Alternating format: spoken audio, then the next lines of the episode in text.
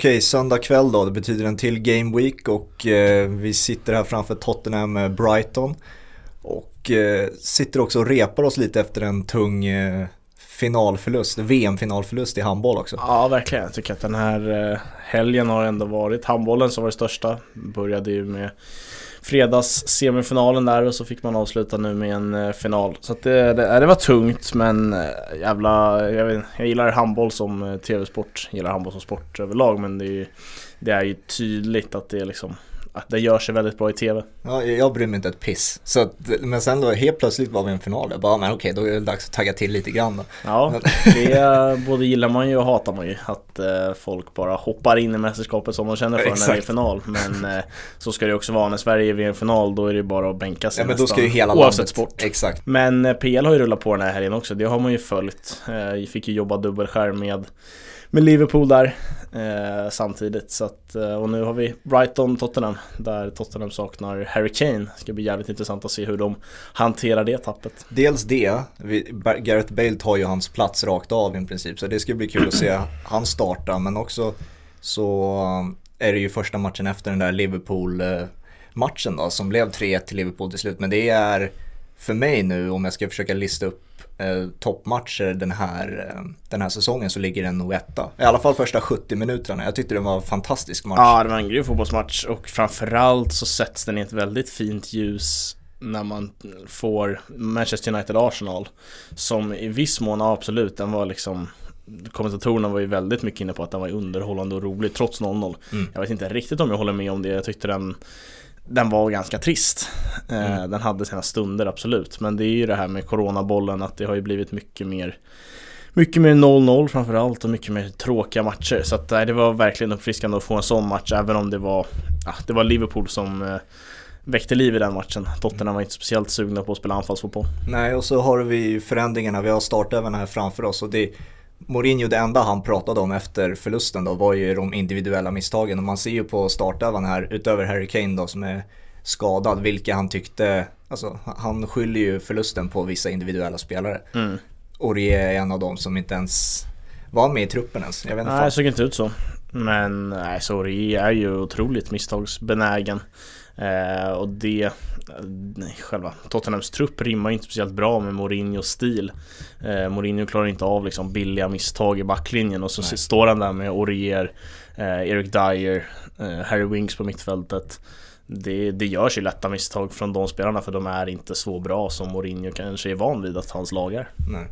Men Brighton är ju ett lag som i någon mån är ändå ganska likt Liverpool i hur de vill spela. Mm. Eh, sen når de inte upp i den nivån och klass. Liksom inte ens nära eh, så många gånger de vill. Eh, men det är ju ett lag som vill ha mycket boll, vill skapa mycket chanser. Och jag tycker att de i stundtals är ganska roliga att se på. Mm. Men det blir liksom den här rolighetsfaktorn försvinner ju ganska mycket när de inte vinner matcher. De har inte vunnit en match hemma i år. Eh, och här vill jag mena att de har en ganska bra chans att göra det idag. Ja. Jag tycker inte alls Tottenham har speciellt sett, sett speciellt bra ut på senaste tiden.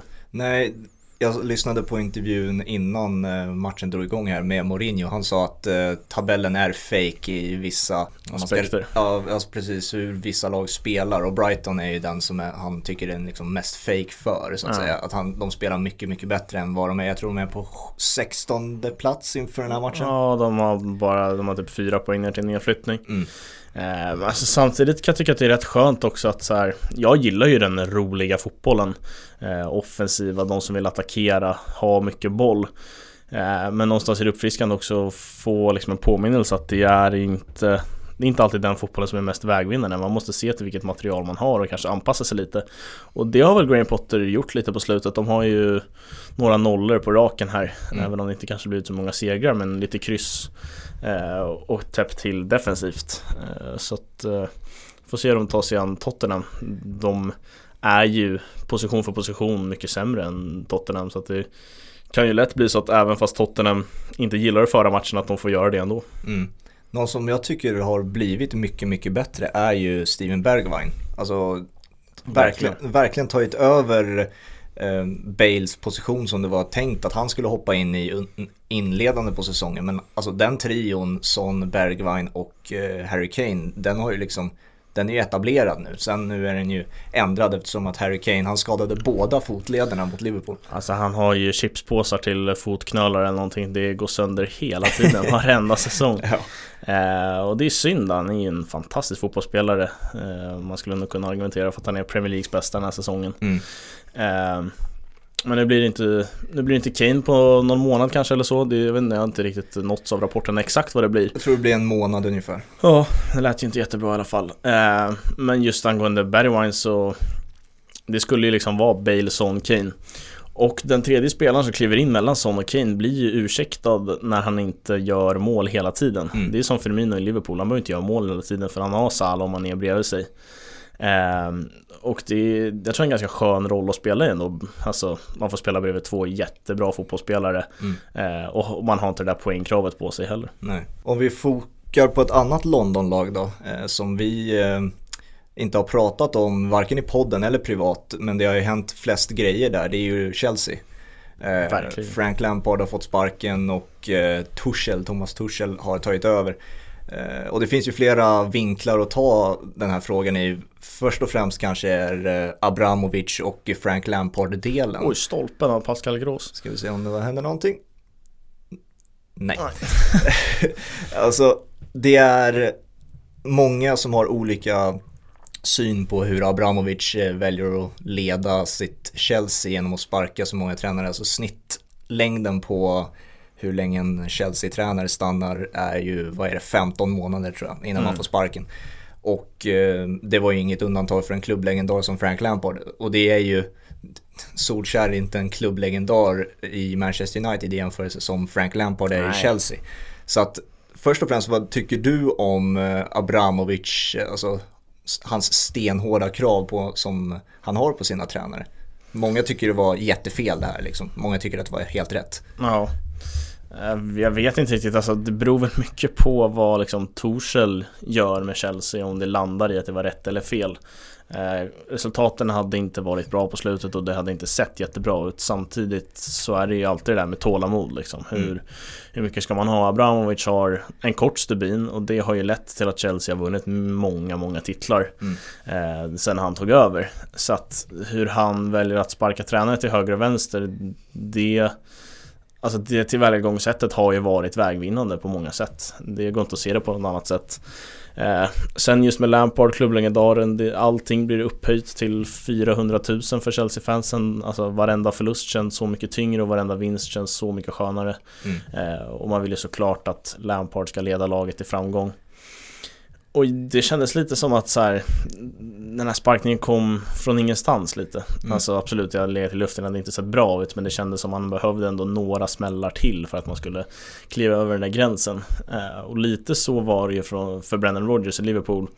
Där det inte hade sett bra ut men det kändes inte som att sparken kommer imorgon. Nej. Men den gjorde det för att det fanns en tränare tillgänglig som man ville ha in. Mm. Eh, Jag tycker inte Torshäll är den tränaren som man måste sparka Lampard för för att man säger nu är han ledig, nu måste vi sparka och ta in honom. Jag tycker alltså jag har inte sett det i Torshäll Storheten, alltså den där Nej. extrema storheten som gör att man Man liksom direkt får slut på tålamod med Lampard och måste plocka in Torshäll. Eh, Jag såg inte ens eh, Chelsea Burnley som spelades i helgen. Jag, jag var helt ärligt inte speciellt sugen på att se Chelsea. Mhm. Eh, Jag valde att kolla serier istället. Jag vet inte varför, för att det brukar ju vara intressant med en ny tränare men Nej, det är någonting med Torshäll och Chelsea just nu som inte gör att jag vill sitta och titta på det. Jag är helt tvärtom. Mm. Jag, Thomas Tuchel är eh, min favorittränare ute i Europa eh, och det finns flera anledningar till det. Han påminner mig mycket om Klopp, i, inte bara för att han är tysk utan på det sättet han väljer att hantera media, han är väldigt öppen. Ja men den Eh. tyska skolan är ju ganska lik också. Mm. Eh, Och otroligt framgångsrik på senare tid. Ja, och sen han är ju den tränaren som fick mig att, du vet ju hur mycket jag har följt PSG och Mm. han är en stor del till varför. Eh, han är den, man berömmer Zidane väldigt mycket för han lyckades få ihop ett ego-baserat eh, Real Madrid. Det, alltså det Tuchel har gjort med PSG och få ihop dem som en grupp, det är liksom, det, det är ingen annan. Ancelotti lyckades inte med det. Nej, alltså det var ju verkligen ett stort problem för PSG. Det var ju tjafs hela tiden. Det var tjafs som liksom straffsparkar. Det var ju på en otroligt barnslig nivå. Mm. I och med att de möter ganska dåliga gäng. Så Ja. att eh, det ska göra så många mål som möjligt och det är bonusar inskrivna i kontrakt och hit och dit. Mm. Eh, Så det får man ju verkligen ge till Torshäll. Och det är också nog en del av att jag inte känner den där hypen kring Torshäll för att jag, jag har inte sett så mycket om PSG och i grunden är PSG ett lag jag vill att det ska gå dåligt för. Mm, jo, så att så här, Torshäll har någonstans varit en motståndare för mig. Eh, för att det blir man om man går till PSG. Ja. Eh, så att jag ska, jag ska verkligen försöka ta till mig Chelsea, se vad Torshäll vill göra. Jag har ju nåtts av att han liksom gått över till någon trebackslinje med yep. wingbacks. Alonso kommer in och gör mål igen. Mm. Eh, han känns som han har otroligt kort brintid samtidigt som otroligt lång. Han, liksom, han gör mål även 2021. Eh, men nej, det ska bli intressant att se vad han gör. Jag tror att den här anställningen främst, det har varit ett för stort problem med att Kai Havertz och Timo Werner inte har kommit igång. Mm. Eh, och Torshäll vet vad han har i Werner och Havertz och han, jag tror att han vet hur han ska spela med dem. Mm. Eh, sen av det jag läst från idag var inte Werner speciellt bra Nej. idag heller. Så det, är ett, alltså, det är ett mysterium överlag med Werner. Var, varför ja, men är han inte bättre än så här eller vad är det som hänt? Mm. Alltså, det finns flera punkter där som tar upp. Eh, alltså, framförallt det jag gillar med Torshäll är att hans syn på fotboll rimmar väldigt mycket med det jag gillar. Eh, han baserar ofta sin fotboll på att få ihop individerna i, en, i ett fungerande lagbygge. Så att han, det finns en väldigt fascinerande intervju med Rio Ferdinand han gjorde för två år sedan ungefär. Där han förklarade hur han, hur han väljer att träna PSG. Eh, hur han valde att träna PSG då. Och det var ju liksom, hans syn var att jag kommer aldrig förklara för Neymar hur han ska välja att dribbla. Liksom, det får han lösa själv, det kan han bättre än jag. Men jag kan hjälpa laget och Neymar att bli ett bättre lag. Så att låt Alltså, jag kan inte berätta hur Verratti ska slå en passning. Det kan inte jag berätta för honom. Men jag kan hjälpa honom med att hitta positionen på plan för honom och slå den perfekta passningen. Mm. Det är liksom det, så han jobbar och det älskar jag hos tränare som kan liksom identifiera individen för att göra laget bättre. Um, och det är väl liksom det, han anpassar sin spelfilosofi efter den trupp han har. Och det är väl det han har gjort nu. Det, alltså, de där 24 timmarna han hade efter han fick eh, jobbet i Chelsea är helt sinnessjuka. Han hade alltså en match dagen efter han fick jobbet mot Wolves. Ja, det är omöjligt att göra någonting bra av den matchen egentligen. Ja, alltså uh... sätt, sätt dig in i den situationen, eller vilken tränare som helst. Alltså, vad hade du som tränare gjort om du hade haft en träning med dem? Alltså antagligen hade du gjort något, ja ni har spelat 4-3-3 som Frank Lampard mycket, ofta gjorde. Mm. Då spelar vi 4-3-3 mot Wolves och sen så börjar vi dra igång med mitt spel, min spelfilosofi. Ja exakt, det är ju bara att ge ordet till lagkaptenen eller någon annan ledare som ja. liksom får ta över just den matchen. Så att, uh... Det gjorde inte Torshäll. Han tar alltså laget och vad jag har läst mig till tar typ två, tre timmar och samlar ihop dem. Okej, okay, vi ska spela tre eh, eller fem beroende på ja, hur man väljer, hur, att, se hur man väljer att se på det. Men med wingbacks, vi ska spela tre anfallare, två centrala mittfältare. Nu ska vi gå ut på träningsanläggningen och bara nöta det. Och sen dagen efter så spelar de match mot Wolves. Nu blir det bara 0-0, men de slår någon passningsrekord redan första matchen. Mm. Det är ju inte många tränare som gör så. Nej, men också självförtroende i hans kunnande att direkt sätta den istället för att överlåta Alltså han tänker inte överlåta någon match till slumpen Nej. Eh, utan han sätter direkt sin ton Sen vet jag inte, jag såg liksom någon som skojade om det idag så här, Har Chelsea slagit passningsrekord igen eh, idag efter första 30 mot Burnley eh, Det får inte bli Får inte bli för mycket sånt, alltså måste ju också gå framåt och vinna matcher. Mm. Och jag tycker det är starkt att vinna med 2-0 mot Burnley. Alltså man måste få hål på Burnley och det är fan inte världens lättaste grej med påven i mål. Så att, äh, det ska bli intressant att se vart Chelsea var Chelsea landar till slut. Jag har väl något eh, i något avsnitt här när vi snackade om Chelsea att jag tror inte att de löser topp 4.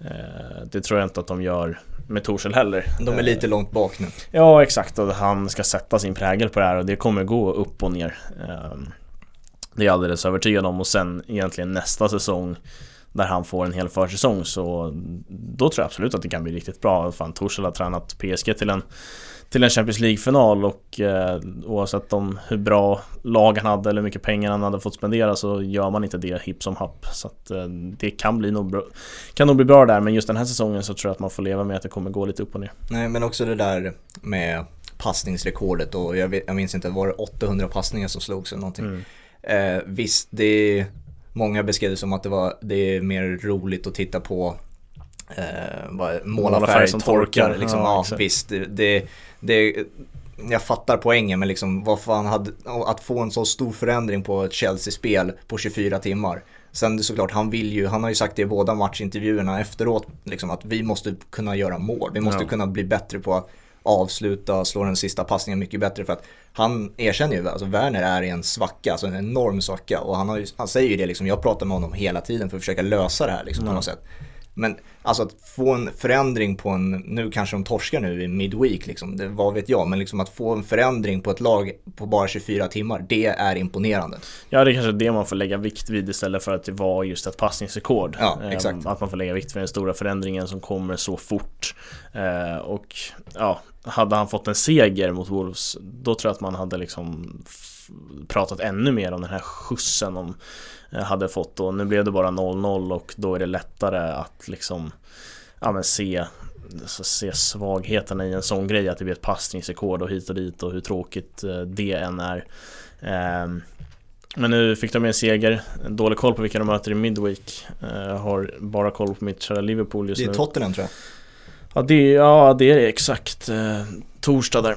Mm. Uh, och uh, Tottenham som nu möter Brighton möter ju Liverpool. Uh, men uh, så Tottenham-Chelsea, det blir ju en otrolig match mellan uh, Tuchel och Mourinho. Mm. Och jag tror också att Mourinho njuter lite av att liksom det här med mycket passningar och möta ett sånt lag. Och i själva matchen kan Mourinho liksom pumpa upp dem till att möta det här Chelsea. Och, mm ja, men vinna, vinna tränarmatchen är han säkert väldigt sugen på mot Torshäll och liksom välkommen till Premier League. Exakt. Ja, Frank Lampard hade ju edge över Mourinho. Mm. Eh, Mourinho hade väldigt svårt att slå Frank Lampard av någon anledning. Ja, men... verkligen. Alltså man, man vet ju fortfarande, jag har svårt att säga jag tror Chelsea-fans har liksom ändå hyfsat koll på det för man lever med laget hela tiden. Men jag har svårt att liksom veta vad Lampard vill med sin fotboll, vad, vad han har för filosofi.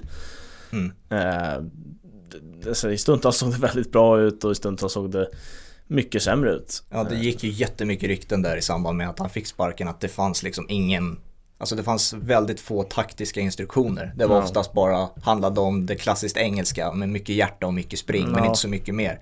Och med skickliga fotbollsspelare som finns i Chelsea, det, det kan funka i många matcher men inte, inte i alla matcher.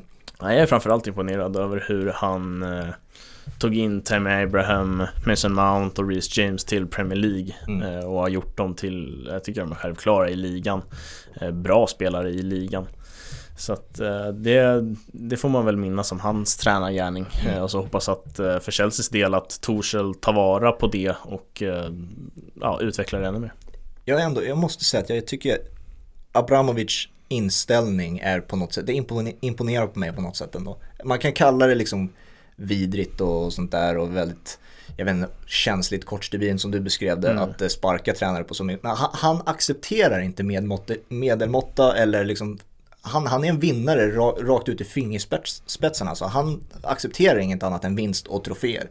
Och det, det, det finns någonting att verkligen beund- mm, det går exakt, att beundra verkligen. någonting om det. Eh, och det är liksom så många andra sportchefer och ägare som inte beter sig så. Alltså kolla bara på Manchester United, hur många gånger finns, alltså om Abramovic ledde Manchester United, hur många gånger skulle inte Solskjaer fått sparken? Ja, nej exakt, han hade ju fått sparken för länge sedan. Mm. Eh, han hade väl antagligen inte ens fått sitta kvar efter hans interimperiod Nej. Alltså trots att han gjorde det jättebra ja. så hade inte Abramovic låtit en interimtränare sitta kvar. Han hade bara, vann du troféer? Nej, nej, då får, vi ta nästa. Nej men för han sparkade väl Di Matteo där när han gick och vann Champions, League. League. Ja. Eh, för att så här, det var inte, Di Matteo var inte hans tränare utan det var, en, det var liksom en nödlösning som fick göras där och då. Eh, och han fick inte sitta kvar så att eh, nej, Ole Gunnar Solskjaer hade inte suttit kvar efter den interimperioden med Abramovic som ägare.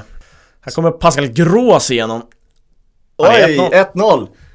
Grosshandlad, grosshandlaren till trosshandlaren. För de som följer fantasy TV på Dobb så vet alla vilka jag pratar om. Gross, grosshandlaren och trossard. Trosshandlaren. Grosshandlaren är ju faktiskt ett ord men eh, i och med att trossard heter ändå någorlunda likt gross så fick det bli trosshandlaren i, i fantasy-TV där. Eh, fantasy kanske vi kommer till i sammanhanget för jag har gjort en väldigt bra omgång. Eh, och inför nästa säsong redan nu vill jag prata igenom hur vi ska göra för att få liv i ditt fantasy-spelande. ja visst. Men, eh, nej, eh, 1-0 Brighton är... Jävla fint spelmål. Ja, verkligen. Verkligen. Pascal Gross har ju, alltså han, man vet vad man får med honom ändå. Han mm. levererat under många säsonger nu känns det mm. som i PL. Nej men just med fantasy, alltså jag har ju avslutat den här säsongen typ 4-5 gånger. Jag har ju tröttnat på det och det går så dåligt men ja.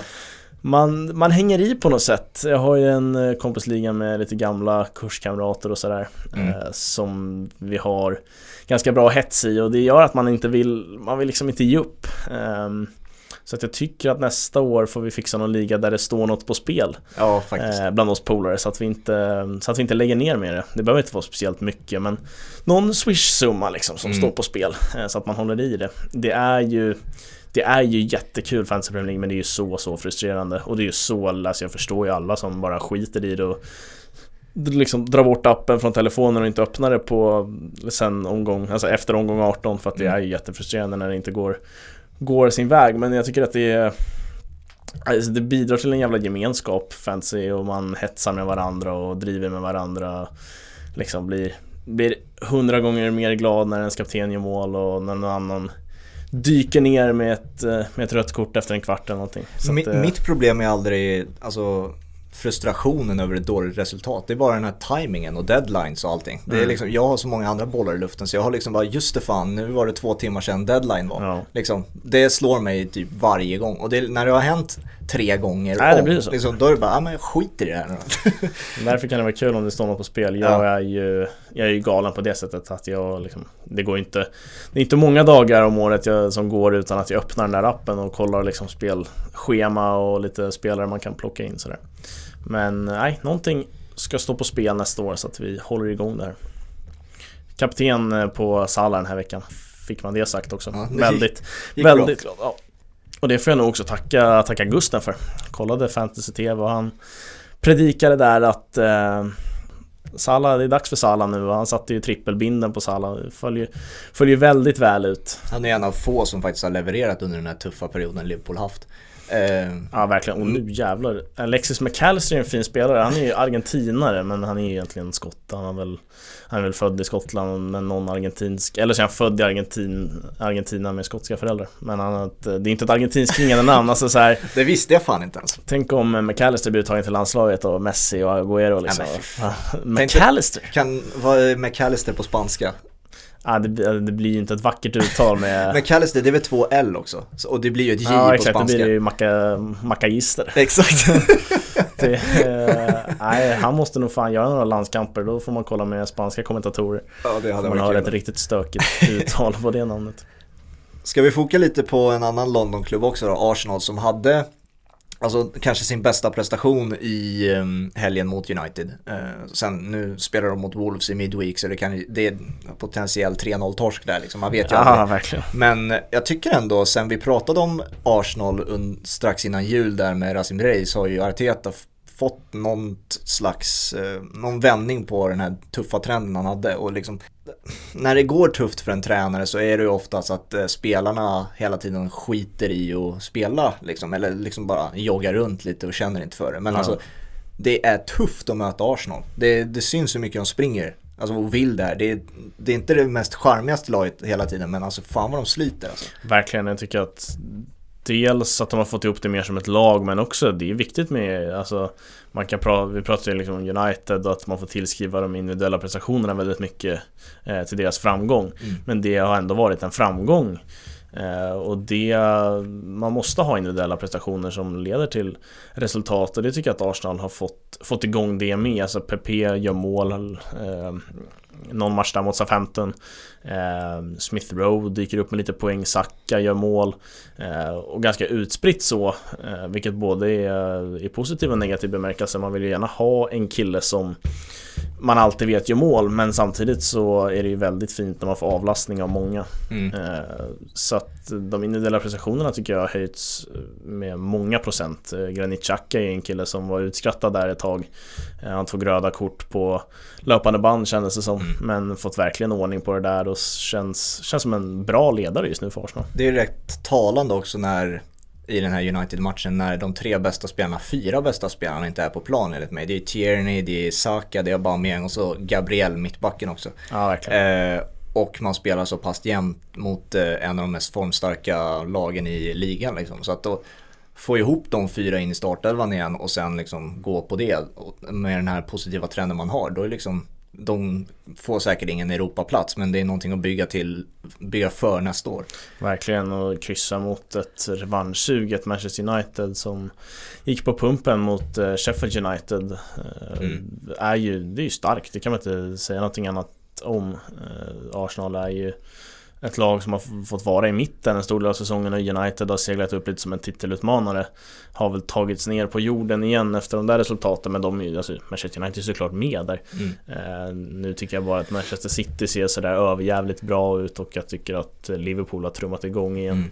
På ett sätt som också ser riktigt bra ut ja. Den matchen blir extremt intressant om en vecka Mm. Eh, då Liverpool och City möts. Men eh, såg du någonting i Ödegård? Jag tycker inte man, man fick inte så mycket, det är svårt att se något. Men om det var någonting du tänkte på? Ja, faktiskt, det jag tänkte på är att han påminner om Özil. I, mm. och ja. det alltså med... Där tycker jag också ofta, även fast det inte har någonting med hur spelaren är på planen Så tycker jag ändå att två vänsterfötter har mycket lättare mm. att jämföras med varandra ja. än två högerfötter För att det är mer sällsynt än Ja men jag, ty jag, tycker jobbet han lägger ner påminner om Özil Alltså lätt jogg i press, mm. liksom, mm. det är inte där, därför han är på plan Men Nej. det var det Özil fick så jävla mycket kritik för mm. Att han bara joggar runt där i sin 10 position Men det är inte därför han är på plan och det är liksom det, Martin Ödegård är en av eh, världens bästa talanger. Har varit det länge, är det fortfarande, kommer bli en världsstjärna. Mm. Eh, men samma sak var det med Özil. Och han blev ju så här latstämplad. Eh, och det är liksom, jag ser... Man blir ju också latstämplad om inte poängen framåt levereras. Ja. Och sen alltså, det finns skillnader och likheter mellan spelarna. Det är samma position, samma fot som du var inne på. Liksom. Men det var, det var faktiskt det enda som slog mig för att han rörde ju knappt bollen. Det var Nej, ju, när han kom in var det mycket United-dominans. Så att, eh, jag vet inte. Det... Jag kommer ihåg hans första inhopp för Real Madrid där han eh, jag tror inte han slog en passning fel, men han slog inte heller en passning framåt. Han var, han, var, han var väldigt eh, rädd och tog det väldigt lugnt. Men han la ner ett jävla jobb på att vara spelbar. Mm. Eh, alltså i den matchen, Real Madrid ledde med typ så här 4-0 när han kom in eller någonting. Det var, det var klart. Eh, men han la ner ett jävla jobb för att vara, vara spelbar och det det är ju också en del av kreativiteten. Mm. Att hitta de här luckorna och för att sen få bollen och sen sticka in den i en annan lucka. Mm. Uh, där tror jag att Martin Ödegaard kan bli jävligt bra. Alltså det ska man ju veta, han var ju en av La Ligas bästa mittfältare ja. under Sociedad-tiden. Så att det här är en grym fotbollsspelare när det, när det stämmer.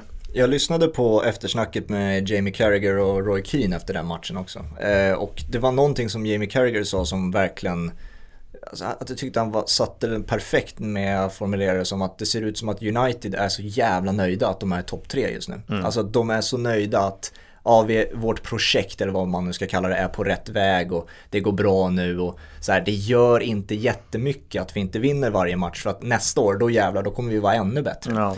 Men som Jamie Carragher sa det, alltså Liverpool saknar mittbackar, Manchester City saknar forwards den här säsongen det, nästa säsong kommer inte vara likadan. Alltså, nej, om man, nej, om man alltså, har tur också så kommer fans tillbaka exakt. och det kommer också ändras och så vidare och så vidare. Alltså, det här är, nu vet vi inte hur realistiskt det är att United ska vinna den här titeln men det här är liksom säsongen. Nästa säsong kommer vara helt annorlunda. Och det, är inte för, det talar inte för att United kommer ha en bättre chans nästa år. Nej, verkligen inte. Det, alltså, den här säsongen kan man ju vinna utan att satsa ekonomiskt också. För det är ingen, ingen klubb som satsar ekonomiskt. Eh, och då måste man ta vara på den chansen United har spelat till sig. Alltså de har ju spelat till sig den här chansen. Det är ingen chans de har bara fått helt plötsligt. Ja, helt plötsligt ligger vi etta nu. Utan de har ju spelat till sig den här chansen och då måste man ta den på ett sätt på ett helt annat sätt än vad de har tagit sig an den uppgiften. Mm. Eh, alltså inställningen hos Marcus Rashford och Antonio Martial i matchen mot Sheffield United är bland det mest Ja men alltså så här, eh, vad heter det på svenska? Disturbing var det någon jag såg på Twitter som skrev Jag hittade inte ens det svenska ordet för det Men alltså det är, det är inte bra man, Det kan inte se ut så När man är med i en toppstrid och får möta Sheffield United på hemmaplan Man måste se jävligt hungrig ut Jag tycker dessutom typ att Bruno Fernandes har hämmats lite av Bruno, eh, Paul Pogbas intåg mm. Jag tycker Bruno Fernandes fick en mycket bättre position när Pogba spelar centralt Än när han spelar på en vänsterkant För att då ska Pogba in där och bråka med Fernandes om sin position och då hamnar Fernandes väldigt djupt i banan eller ute på en kant och där ska inte han vara. Nej. Så att, eh, nej, de här två matcherna alltså det är ju större frågetecken för United efter insatsen mot Arsenal än vad Arsenal får. Alltså det var ändå ett fall, ett fall framåt för Arsenal och ett liksom, ja men ett litet wake-up call för United att nu måste vi trumma igång igen och liksom, vi är inte bättre än någon annan i den här ligan utan vi måste lägga ner jobbet. Mm. Deppig insats där alltså av Tottenham. Hittills i alla fall. Ja, verkligen. Alltså de har inte, de har inte varit i offensiv zon tänkte jag säga. Eh, på hockeyspråk förstår folk vad jag menar. Men alltså de har inte, de har inte eh, anfallit den, den här matchen. En eh, Dombele hade någon skön sekvens där när han lekte lite med McAllister. En Dombele är också en spelare som har fått den här latstämpeln men mm. nu har suddat bort den, tvättat bort den genom mm. att vara förbannat jävla bra. Alltså en Dombele är ju briljant. Han är ju liksom anledningen till många, till många poäng som eh, Tottenham har tagit den här säsongen. Trots att Tottenham inte var bra mot Liverpool så tyckte jag att en Dombele skötte Thiago extremt bra. Ja, han vann ju den duellen. Verkligen. Och Thiago har ju inte trummat igång sådär som man kanske tänkte sig. Liverpool, han är fortfarande väldigt bra med boll han har hög intensitet i försvarsspelet men det är sällan bra. Det är ofta frisparkar emot och man känner sig oj, där var på vippen till rött nästan. Men du, du var ju inne på Xhaka som alltid plockar gult. Alltså mm. Thiago, det, är, det, går inte en match utan att han inte tar gult. Nej, nej han, är ganska dåligt tajmad. Jag tyckte han var bra i första matchen eh, i försvarsspelet. Uh, inte första matchen, det var ju mot Chelsea. Mot då. United. Exakt, när han nu på riktigt har kommit igång och fått spela 90 minuter. Mm. Uh, alltså han har ju alltid den här intensiteten som jag var inne på förut men eh, tajmingen i försvarsspelet är inte lika bra. Nej. Men han skötte ju situationen med Thiago väldigt bra och jag Någonstans vill jag jämföra de spelarna men samtidigt inte för Thiago Jag tycker Thiago är världsklass med boll. Mm. De är inte där riktigt än. Men i spelartyp så tycker jag att de liknar lite varandra Att en Dombele och Thiago är Deras främsta styrka är när de har boll mm. Och det är väldigt svårt att ta bollen av dem Och är extremt skickliga i passningsspelet De får ju fram bollen men lite på olika sätt Thiago spelar igenom lagdelar med en passning mm. En Dombele han bara kubbar igenom Ja han kan ju driva verkligen Driver igenom både en och två lagdelar mm. Så att han är väl, ja tillsammans med Höjbjerg så är väl deras stora utropstecken den här säsongen eh, Kane och Son visste vi är ju bra, sen mm. har de varit mm, kanske bättre än vad vi förväntat oss Ja, alltså det är ju Vilka är den bästa duon på mittfältet vi har sett den här säsongen? Är det Höjbjerg och Ndombele? Ja, det känns ju märkligt om man skulle landa där Det är på grund av hur det har gått för eh, Tottenham. Man ja, kanske verkligen. får slänga in eh, Ward Prowse, de gör reklamer för Manchester United SA-15 som kommer på tisdag. Mm. Eh, extremt intressant match nu när liksom, den kom upp på eh, näthinnan. Eh, men Romeo och Ward Prowse är en annan duo som har gjort det bra. Mm. Eh, sen har ju SA-15 tappat lite nu när de eh, saknar Västergård. Eh, men sen alltså, ja, det är väl City-fansen vill väl säkert slänga in Rodri, Kevin De Bruyne och sånt där. Men det är inte riktigt en duo, de spelar. Alltid Nej, tre på mittfältet och det är Liverpool också. Eh, McFred kanske. Ja, Alltså de har inte varit dåliga. Men nej alltså Höjbjerg och Ndombele är ju med där som eh, mm. Om man bara pratar duos på mittfältet så Tycker jag att de tre nämner McFred eh, Romeo Ward-Prowse, Ndombele Höjbjerg Är kanske ligans tre bästa duos. Och då är ju, tycker jag att Ndombele och Höjbjerg är den bästa av mm. de tre vi har ju om en kvart Barcelona mot Athletic Club i ligan den här gången. Senast eh, det begav sig så vann ju Athletic Club efter eh, förlängning. Mm. Eh, jag tänkte vi börjar liksom Barcelona och La Liga-snacket med att ta deras högerback. Har du bra koll på Oscar Mingueza eller? Är han högerback? Ja, idag ser det ut som Jag det. trodde han var mittback men eh, det, han är skäggig, långhårig typ va? Ja det så, ser så ut på den där lilla minibilden man får på Footmob. Men uh, han verkar vara högerback och Araujo mittback tillsammans med Umtiti och så Alba till vänster. Det är ju ingen eh, backlinje som ingjuter förtroende Nej, Umtiti, Umtiti var ju den där, om vi spolar tillbaka bandet där, liksom, som blev helt utfryst. Han skulle inte få spela Nej, en sekund liksom. Eh, och nu är han, eh, ja, Piqué han drog väl, drog han korsbandet? Eller hade han eh, bara slitning på korsbandet eller var, hur det nu var? Men han, han sitter ju inte med på bänken i alla fall. Nej exakt. Det står stukat knä här. Okay. Tidigt mars ska han vara tillbaka. Okej. Okay. Eh, ja men alltså Umtiti var ju en sån där spelare som man trodde var förlorad på många sätt. Han skulle ju tillbaka till eh, sina franska kompisar i något Premier League-lag. Det var ju med Lacazette i Arsenal eller så, ja, var, det med, eller så var det med Pogba i United. Liksom. Det var ju dit han skulle. Men nu kanske han har en startplats i, i Barcelona igen, vad fan vet jag. Nej, det ska väl in en ny tränare också efter den här säsongen med presidentval och allt möjligt. Jag har svårt att se att Koman sitter kvar. Eh, Xavi börjar väl kännas mer och mer redo för det där. Mm. Eh, man har ju sett oftare och oftare eh, videos från hans lag i Qatar eller var han är någonstans ja. där de gör otroliga team goals. Eh, och sen har jag också sett att han har ett ganska bra vinstfacit och fotboll handlar om att vinna matcher oavsett vilken liga man tränar i. inte Santi Cazorla där också och leker? Ja, kanske mycket möjligt. För, ja, exakt. Han försvann ju från eh, Villarreal inför säsongen mm. så det är mycket möjligt att han är där. Men eh, Nej, alltså jag tycker jag såg en hel del av Atletico Madrid idag eh, mm. När vi ändå är inne på La Liga och de ser ju otroligt bra ut. De släpper in förvisso två mål mot Cadiz. Alvaro Negredo med två mål. Minns, Han dansar den. Man minns ju honom när han dansade i City. För fan vad bra han var där en säsong. Ja, Han var ju faktiskt jävligt bra, det ja. ska man ha med sig Eh, tycker att jag har sett honom lite då och då ändå i... Eh, ja men göra mål i Cartis, då vet man att det är, liksom, det är en hyfsad fotbollsspelare fortfarande. Ja men ändå, det är La Liga.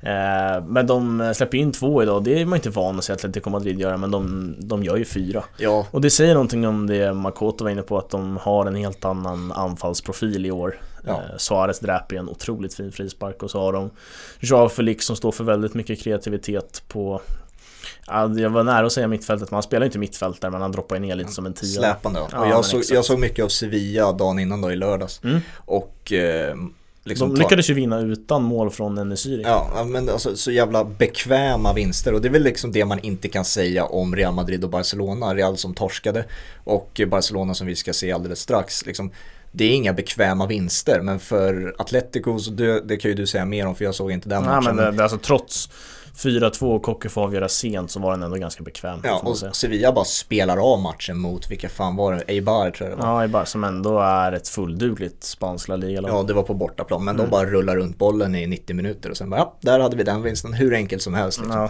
Ja, jag såg, eh, såg straffsituationerna där, för det var ju två straffar på typ 5, 6, 7 minuter där. Där de först får en straff som plockas bort är det väl, mm. eh, av VAR. Och sen eh, får de en straff av VAR, 7 minuter senare. De, och Campos lätt kunde rulla in. Eh, och Campos är ju en spelare man ser ju inte jättemycket av Sevilla i La Liga. Det händer lite då och då. Sett dem en del på slutet, främst för Enesiri. Jag tycker att han är fantastisk eh, där framme. Mm. Eh, men jag tycker att han, han är en spelare som ofta kliver fram eh, när det blir tungt och tufft. Och de är väl vidare i Champions League. Ja. Och där kan Ocampo spela en jävligt viktig roll. Viktig roll. Och där ska Papu in också. Ja, oh, Papu Gomes, exakt. Nej, så att Sevilla kan man nog bänka sig framför och se lite mer av här framåt våren för att det är ett trevligt gäng alltså.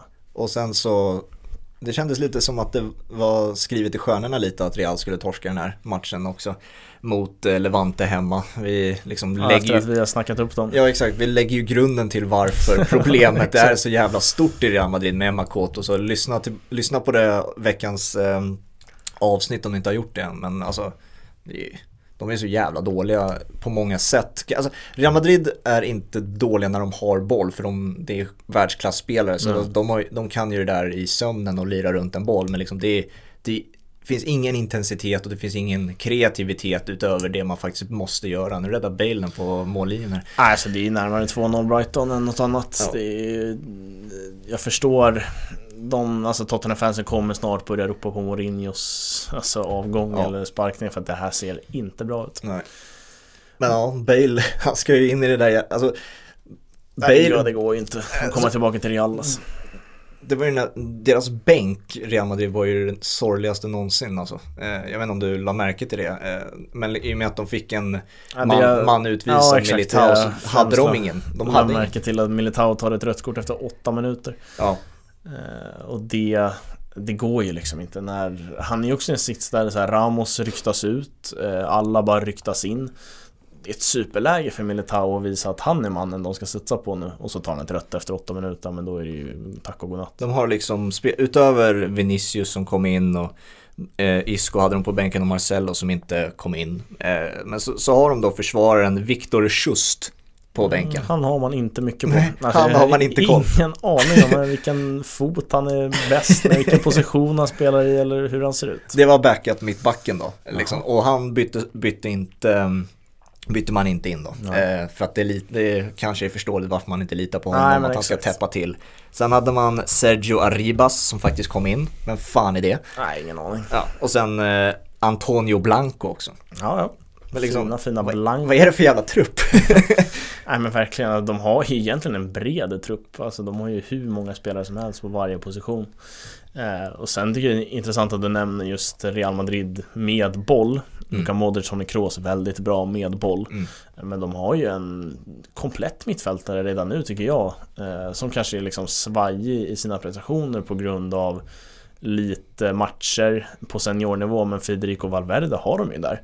Mm. Eh, och att man inte skolar in honom mer än vad man gör tycker jag är märkligt. Det var väl det Makoto var mest inne på, liksom att Zidane, hans stora problem är att han inte litar på alltså, resten av sin trupp Nej, utöver startelvan. Liksom. Det har varit hans problem hela tiden. Och jag förstår att han litar på Luka Modric och Toni Kroos med boll. Mm. Men de har inte bollen hela tiden. Nej. Och det är alltså spanska ligan för 5-6 år sedan Det var ju Real Madrid och Barca 5-0 hela tiden. Mm. Eh, Men det ser inte ut så idag. Lagen är mycket bättre. Mm. Eh, Och får man en man utvisad tid mot Levante, de tar förvisso ledningen. Eh, Jag kommer ihåg att jag gick in och kollade liksom oddsen när de tog ledningen med en man mindre och det var ju otroligt spelvärde i Levante. Man fick mycket pengar tillbaka om man satsade på dem. Mm. Jag valde att inte göra det, men alltså det är inte samma det är inte samma typ av liga. Real Madrid är inte så överlägsna längre. Nej, det är inte läskigt att spela mot Real Madrid längre. Nej, verkligen inte. Alltså- Alltså, Levante måste ju känt en otrolig, alltså tydligen så gjorde de ju det. De kände ju en Mm. otrolig stor chans att vinna den matchen när Militao tar det röda efter åtta. Och det är första gången på, ja, någonsin ska jag säga, det här är liksom säsongen så här tidigt jag säger att Real Madrid kommer inte vinna en enda titel. Oftast brukar man liksom stämpla det i mars, april, maj. Ja, Men i exakt. januari säger man det aldrig, februari säger man det aldrig. Framförallt, nej, exakt, framförallt inte med Real Madrid. eh, Där det alltid finns chanser till titlar nästan oavsett hur dåligt det ser ut. Den där Champions League-titeln känns som de tar av bara farten ibland. Mm. Eh, För att det är just Champions League och det är Real Madrid. Men nej, det, det ser inte tillräckligt bra ut och truppen är kanske inte så, alltså man kanske också får omvärdera hur bred den där truppen är. Mm. Hur bra är de där spelarna som kommer bakom? Hur bra är spelarna som faktiskt startar? Hur bra Mm. är Real Madrid? Det är jättesvårt att säga som vi var inne på i avsnittet. Ehm, Men när vi snart ska byta över till att kolla lite La Liga så känner jag att jag vill inte titta på Tottenham en minut mer under Mourinho. Alltså det är fruktansvärt. Nej, det är så fucking tråkigt alltså. Och idag har de inte en 11 heller som gör att det kan blixtra till. Absolut, Son är grym. Men här, vad är det för spelare? Eh, Joe Rodon, Toby Alderweireld, Davinson Sanchez i backlinjen. Det är inte, det är inte kul. Det Nej, ser inte det är bra inte ut. kul. Och Gareth Bale, inte, det bästa han har gjort är ju den, där bollen som antagligen också hade gått utanför. Han, han har inte sett den här matchen. Nej, alltså allting går ju på halvfart när han springer. Alltså man har inte, han har inte tagit en sprint i sin Spurs-karriär, alltså från han har kommit tillbaka då. Alltså, Nej, jag har inte nej, sett honom springa full farten. Nej, jag, jag tänkte på det när han ska tillbaka till Real Madrid. Eh, Den här Royal Antwerpen-forwarden var det väl som dök upp i en Anderlecht-tröja och sånt där.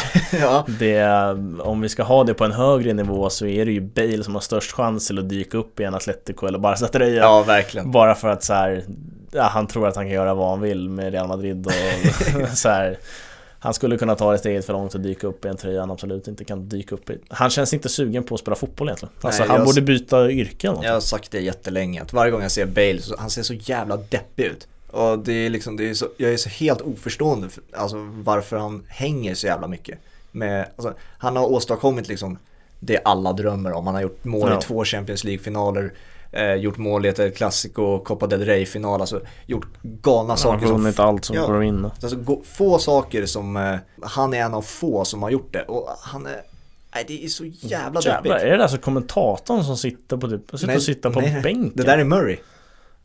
Han sitter ju och kommenterar, han Ja. sitter med en mikrofon, han sitter och kör podcast. Nej, men det, där är, det där är ju forwarden, Ja, Murphy. men vadå? Nej, Han, Murray heter han. han är inte uttagen i truppen så han sitter och kör podcast mitt i. Ja, jag tror han är väl någon assisterande då kanske, hjälptränare till, alltså forwards eh, coach eller någonting. Ja, men vem, han, satt, han satt ju inte och pratade med någon tränare där. Jo, på bänken Nej, antagligen. nej, nej, nej, nej. Han satt ju och spelade in radio. Alltså det där var ju utrustning som man inte har att prata med. En jävla coach någonting. Det där var, det där var radio. Det där var ett annat format han satt och pratade i. Otroligt, eh, otroligt intressant att se vad han satt och spelade in. Men du kände inte igen honom eller? Nej, inte först men när du säger det så Ja, det- såg jag att det var Glenn som eh, Det var väl han Nej, kanske inte var han som gjorde målet där, Brighton Brighton mötte ju City sista matchen på säsongen för, vad blir det, två säsonger? Jo, han, han gjorde mål i den matchen. Det var, det var han som nickade in Ja, eh, Och då, ja, då, var det, då var det livat i Kassa Zackrisson när eh, Liverpool Fick vara mästare i några sekunder sista dagen av Premier han, han var ju en av de där få forwards, det kommer ju, dyker ju upp sådana där forwards som eh, Jag menar, försöker härma Jamie Vardy karriären lite, att han har Mm. kommit från eh, division 4 och tagit sig upp till Premier League och det är ju en fin historia och det liksom. Men när han eh, för två, tre säsonger sedan gjorde några enstaka mål för Brighton så var det ju snack, ja han måste ju till landslaget alltså. ja, Han var fan bra där ett tag, han var riktigt bra Jag tror han själv sa bara, men skärp er nu fan, jag ska inte till landslaget här. Nej men han, Han var är en liten så här eh, Grant Holt typ Ja men han är 35 bast, vad fan ska han göra liksom? Han, är, han har kul att spela på Premier League-nivå, det, liksom, det räcker för honom. Det här är så jävla dåligt alltså. Ja, Han ser ju helt förstörd ut Han, han som har boll här, Bisuka, heter han så? Ja, Bizuma Bissouma heter han. Han är, han är en spelare som eh, toppklubbar borde titta på alltså. Ja, Han är riktigt bra alltså. jag har sett, ehm, sett lite folk som vill ha, vill ha någon till sitt lag Som Mm. hejar på topplag i England han, eh, han är riktigt, riktigt bra Och med Graham Potter så får man ju en ex, extremt bra skola i hur man hanterar boll liksom Mm. Ha bollinnehav och eh, ha effektivt bollinnehav eh, Sen gör de inte så mycket mål men effektivt bollinnehav kan jag tycka handlar om något annat Att man liksom driver bollen framåt och vill attackera Mm. eh, och Där är Besuma riktigt bra och sen har han ju även den fysiska profilen eh, För att vara en bra försvarsspelare på Ja. mittfältet i Premier League Men en Ndombele fortsätter ha lekstuga tycker jag Han är riktigt fin snart kommer ju han vara den där spelaren som tittar runt och bara, kan någon annan börja spela fotboll? Eller liksom? nej men verkligen, det kändes som eh, Höjbjerg gjorde Liksom den armutsträckningen här för någon minut sedan där, så hallå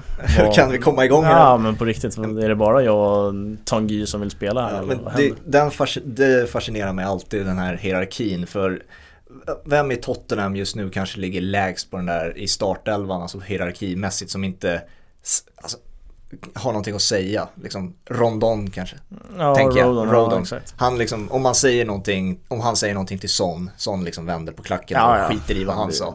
Lite så var ju en Dombele för ett år sedan. Men Mm, nu är ju han liksom den som kan kräva någonting av Bale liksom bara kom igen kan du börja springa? Ja liksom. verkligen, han lägger ner jobbet och gör det bra med boll Mm. Definitivt Jag tycker också man förbiser eh, Brighton går in till paus med ledning 1-0 Jag tycker man, alltså många förbiser vad Vad de tappar med Kane också De tappar ju De tappar ju Son på ett helt annat sätt Mm. Son gör ju assist till Kane och gör mål på pass av Kane Mm. Eh, Det är det är så det ska gå till Eh, Jag såg att många plockade in honom i, i sitt fantasylag nu när han antagligen Man hade på känn att han skulle få spela på topp Eh, Nu kommer ju han göra minst ett mål i andra halvlek bara för att jag sitter och säger det här Men alltså han tappar, han behöver Kane Ja. Så är det Så nu har vi Barcelona igång också då.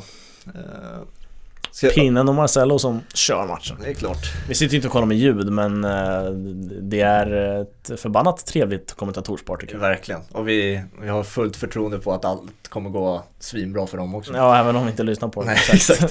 Eh, det som har snackats mest om i Barcelona är Messis jävla supermonsterkontrakt. mm, Eh, Just det, det läckte här i dagarna Ja, och tidningen Mundo va? Det är väl Madrid-tidning också, passande nog, ska bli Ja, stämd av Barcelona.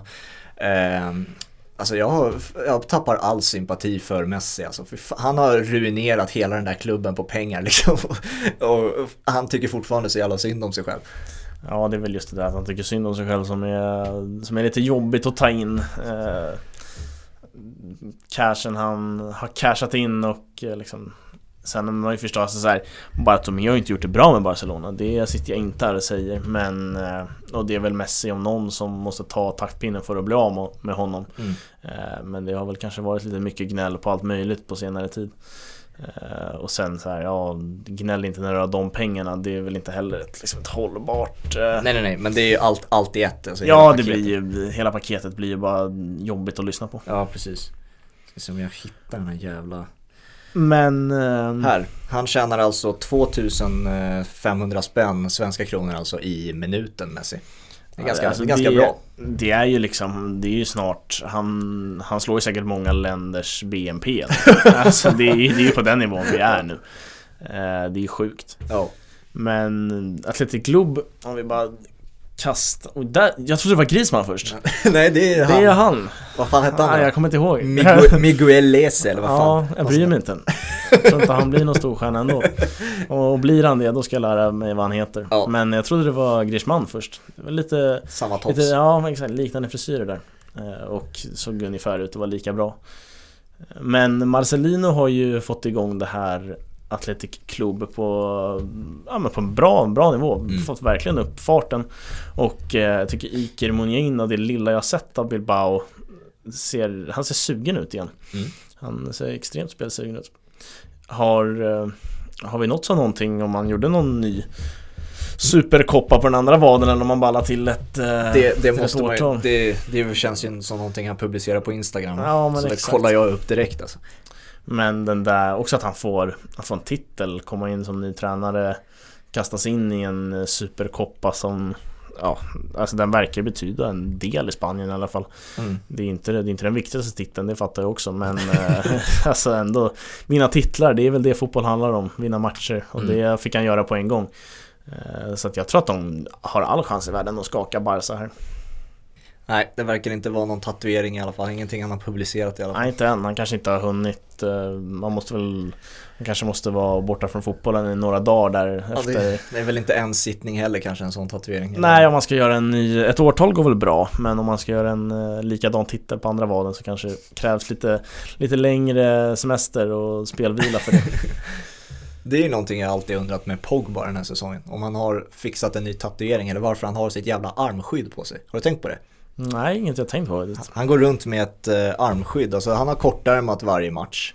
Det är sådana här sjuka detaljer jag tänker på. Ja. Han har liksom kortärmad eh, matchtröja varje, varje match och sen så har han då alltså ett skydd från armbågen ner till eh, handleden alltså. Som är ofta svart. Liksom, som Ja. noll koll på vad fan han skyddar för någonting. Antingen, jag, han har ju haft den hela säsongen så jag kan inte tänka mig att det är en tatuering. Och där missade Messi ett friläge.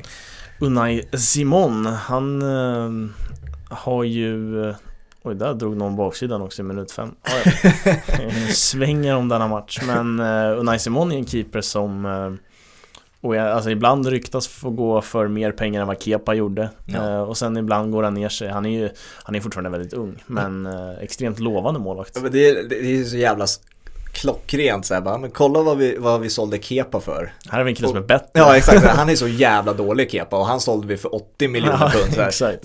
Då fattar ni hur mycket den här killen kommer kosta. de, alltså, efter den försäljningen så sitter de i en jävla guldsits Ja. Bilbao. Eh, De har ju Kepa som någon referenspunkt för alla deras transfers och Framförallt när det blir en målvakt också som är lovande, Unai Simon. Jag skulle inte förvåna mig om man går till Chelsea Nej. för 80 millar och så floppar ur. Raul Garcia är ju mycket i fokus alltid när man tittar på Athletic Bilbao och det var ju också mycket när han spelade i Atletico Madrid. Alltså vilken jävla grislirare han är. Alltså, det var han som drog baksidan så jag hatade att titta på honom. Alltså, eh, och han är en sån där innermittfältare som sprang upp och ner på hela planen i 90 minuter som nu har blivit forward också. Det är en ny grej i Spanien, att centrala mittfältare blir forwards. Ja, Marcos Llorente har ju gjort jävligt bra Ja. som forward de gångerna han har som fått händer? vikariera där.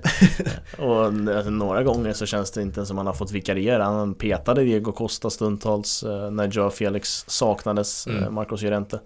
Eh, Det, det kul med Marcos Llorente också var väl att så här, han gjorde ju två mål på Anfield Mm. eh, från ingenstans. Mm.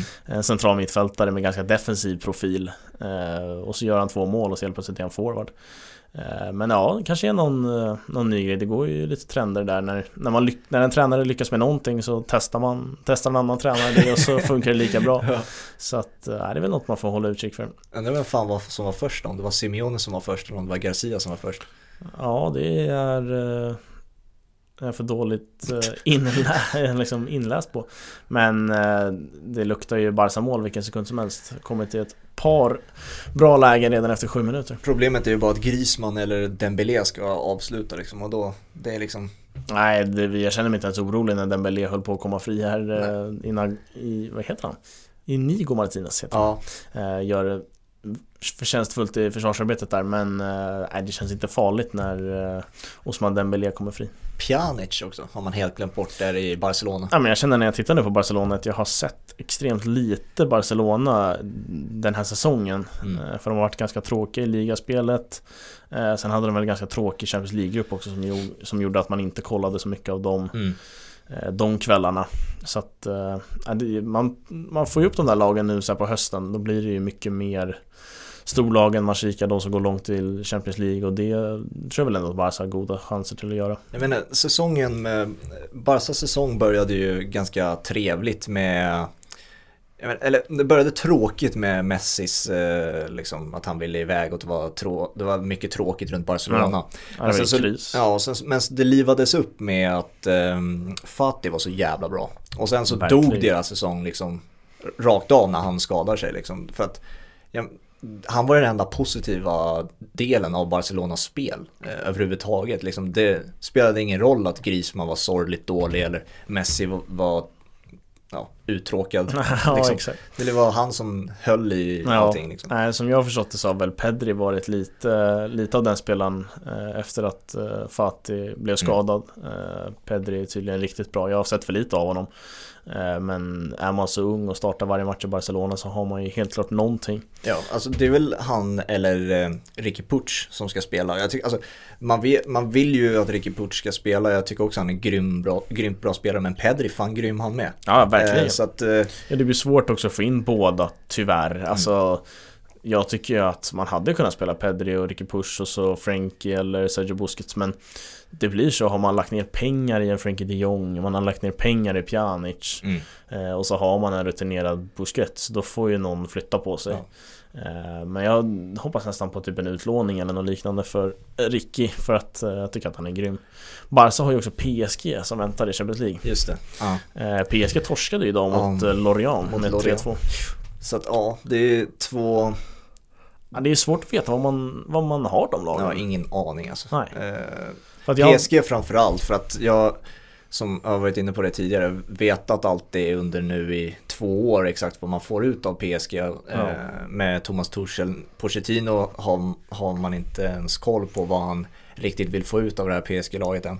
nej, alltså i år kommer, jag tror att de kommer få kriga för att ta den där ligatiteln. Sen gör de det i slutändan med största sannolikhet. Men Lyon är riktigt bra i år. Mm.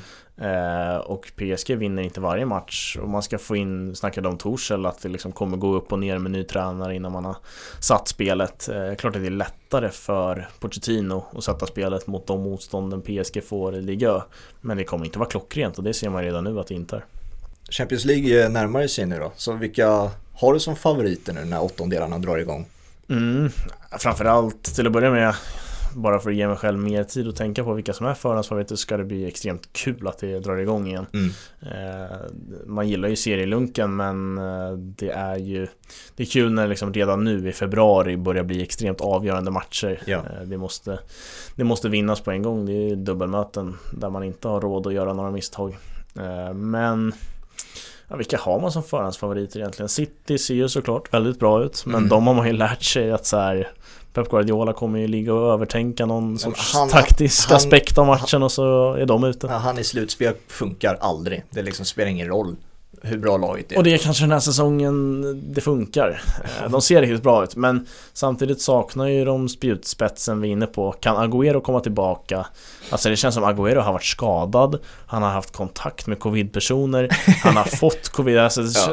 det har pågått i liksom åtta månader där han har varit sj- sjuk eller skadad. Det har det ju gjort. Det känns bara som att han haft covid i typ så här åtta månader. Han har liksom varit borta hur länge som helst. Mm. Eh, Men kan han komma tillbaka och visa Visa fin form, då är det klart att de är såklart ett av lagen som ska vara med och slåss om det.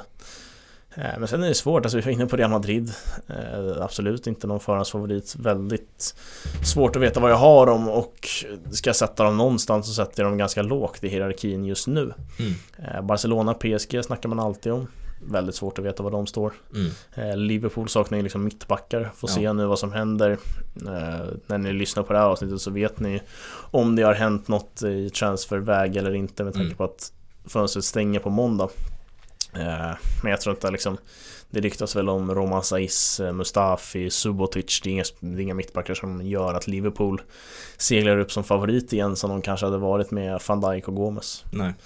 Men hjälp mig, alltså det är ju de, det är de här lagen jag är inne på, ja, det, är, det är jättesvårt de du, Av topplagen som du har missat, det är ju Bayern München och det, Bayern München, Juventus såklart. Ja, Bayern München Men Bayern München har inte gått som tåget heller Nej, de, de har vunnit väldigt mycket matcher men de har inte gått som tåget och de har fått vända väldigt mycket matcher. Mm. Eh, och börjar man med underläge mot lag som vi har nämnt där, PSG, Barca, Eh, Real Madrid, då behöver inte Bayern München vända på det bara för att de är Bayern München. Mm. Det är en sak att vända mot Schalke och det är en annan sak att vända mot Barca. Mm. Eh, men de ska såklart med där. Jag får väl nog landa ändå i att Bayern München kanske är förhands favorit. Mm. Det som talar emot är att de inte är lika bra som förra året och att de vann förra året. Ja. Alltså, jag har alltid grundinställningen att det är laget Ronaldo spelar i är favorit, speciellt när ett slutspel drar igång. Mm. Men det är ju bara att jag, och jag tror jag för mig att jag sa, ja det sa jag i tidigare avsnitt av podden att eh, Juventus har större chans att vinna Champions League än Serie A. Mm. Och det står jag fortfarande fast vid efter den här väldigt oklara januari-december månaderna av eh, ligaspel. Så att eh, alltså, jag kan absolut se Juventus vinna den här Champions League-titeln med att Ronaldo gör 10 mål det här slutspelet. Aha, alltså Ronaldo måste vara överjävligt bra mm. eh, och gör de det så kan de ju nästan skriva in Ronaldo som liksom första, första människa att vinna som både spelare och tränare samma år. eh, alltså jag tror att för att alltså, det, det är Ronaldo som är Juventus just nu. Ja. Eh, Pirlo har väldigt svårt att sätta sin prägel på det här laget och det finns ingen tydlighet i det. Eh, tycker jag. Nej. Så att eh, det krävs ju individuella prestationer och då är det framförallt Ronaldo som måste stå för dem. Mm. Ja, det var den här Game Weekend. Vi är på Game Week nummer fem nu tror jag. Eh, och på fredag så gästas vi av eh, Robin Bylund. Ska vi foka på Liverpool när de eh, ska spela mot Manchester City den kommande helgen. Och kan, nu kan man väl säga seriefinal. Det är nästan det. Ja, får vi se. Eller alltså just så här tabellmässigt hur det ser ut. Men jag tycker att det är seriens två bästa lag. Eh, och kanske även formstarkaste lag när vi går in i det. Vi får se vad som händer här. Mm Eh, i Midweek. Matcherna spelas ju under de dagarna ni lyssnar på det här avsnittet där Liverpool har Brighton. Jag vet inte vad City har riktigt men det är väl skitsamma, de kommer ju vinna ändå. Ja. eh, och då har vi ju en otroligt viktig match att göra med. Mm. Eh, där egentligen, det känns som att Liverpool måste nästan vinna för att hålla liv i det hela. Måste liksom bromsa upp City nu för att nu kör de bara. Ja. Och jag blev helt chockad när jag såg att de slog något så klubbrekord eh, när de vann 11 matcher i mm. rad eller någonting. Så. Bara så här, har inte Pep gjort det tidigare? Men han har ju alltid, alltid haft någon plump i Champions League och mm. någon sån där plump som har kommit. Mm. Eh, men nu går de ju riktigt starkt och då har de, eh, saknar de Kevin De Bruyne. Mm. Och kommer nog göra det mot Liverpool också, vi får väl se. Mm. Men jag tror att de gör det och Agüero. Så att, eh, nej, de ser otroligt bra ut och Liverpool börjar trumma igång. Ja, så att, det ska blir en intressant match. Exakt, och det ska vi ta allt på fredag alltså. Så... Och nästa Game Week är också Gurra tillbaka. Eh, Roma leder just nu efter en halvtimme med 3-0 mot ja, Hellas Verona. gör honom glad i alla fall. Så att han kommer nog tillbaka med eh, studs i steget hoppas jag. ehm, då hörs vi på fredag så får ni så bra så länge. Det gör vi. Ciao. Ciao.